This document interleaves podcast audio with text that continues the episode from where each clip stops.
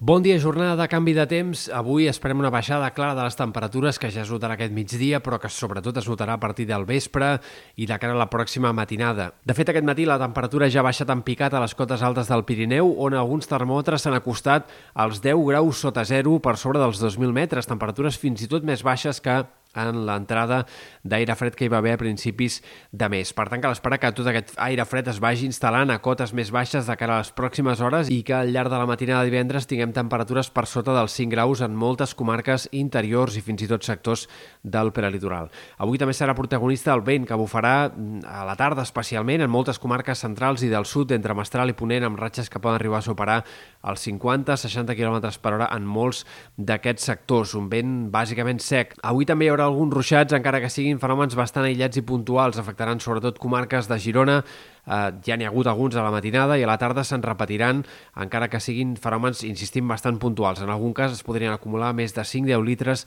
per metre quadrat.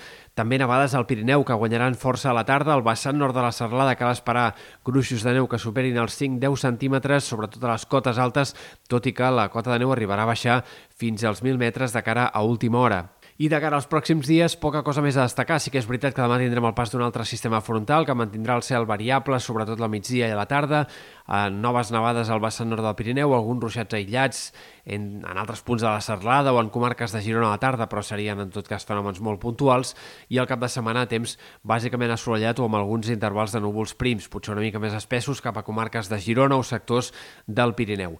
En tot cas, al cap de setmana sí que haurem d'estar pendents de les ventades una altra vegada, no en comarques centrals centrals com avui, però sí en molts sectors de les cotes altes del Pirineu, a l'extrem nord de l'Empordà i Terres de l'Ebre, on el vent bufarà més fort que no pas avui. Dissabte pot haver-hi ratxes que superin els 90-100 km per hora en aquests extrems de Catalunya.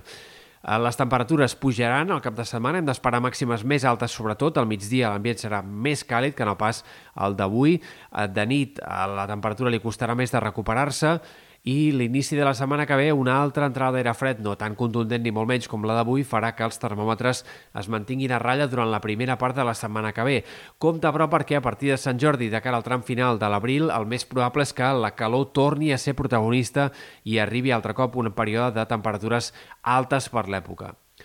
Pel que fa a l'estat del cel, a més llarg termini, poques coses a destacar. Sí que és veritat que entre dilluns al vespre, dimarts, tindrem una mica més d'inestabilitat, poden aparèixer alguns ruixats puntuals al Pirineu, Prepirineu o en comarques centrals, però difícilment tindrem cap canvi de temps important eh, fins com a mínim a Sant Jordi i gairebé que podríem estirar una mica més també aquesta previsió.